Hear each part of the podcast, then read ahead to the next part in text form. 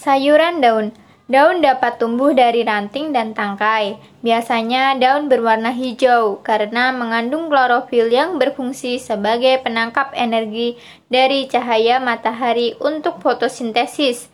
Tanaman sayur yang diambil pada bagian daun dan tangkainya dapat dimakan langsung sebagai lalapan atau dimasak.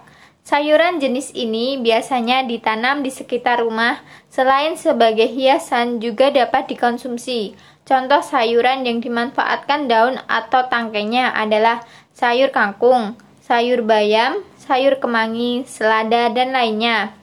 Bayam Bayam adalah jenis sayuran daun yang mengandung vitamin A, B, dan C, dan zat-zat gizi seperti kalsium dan besi.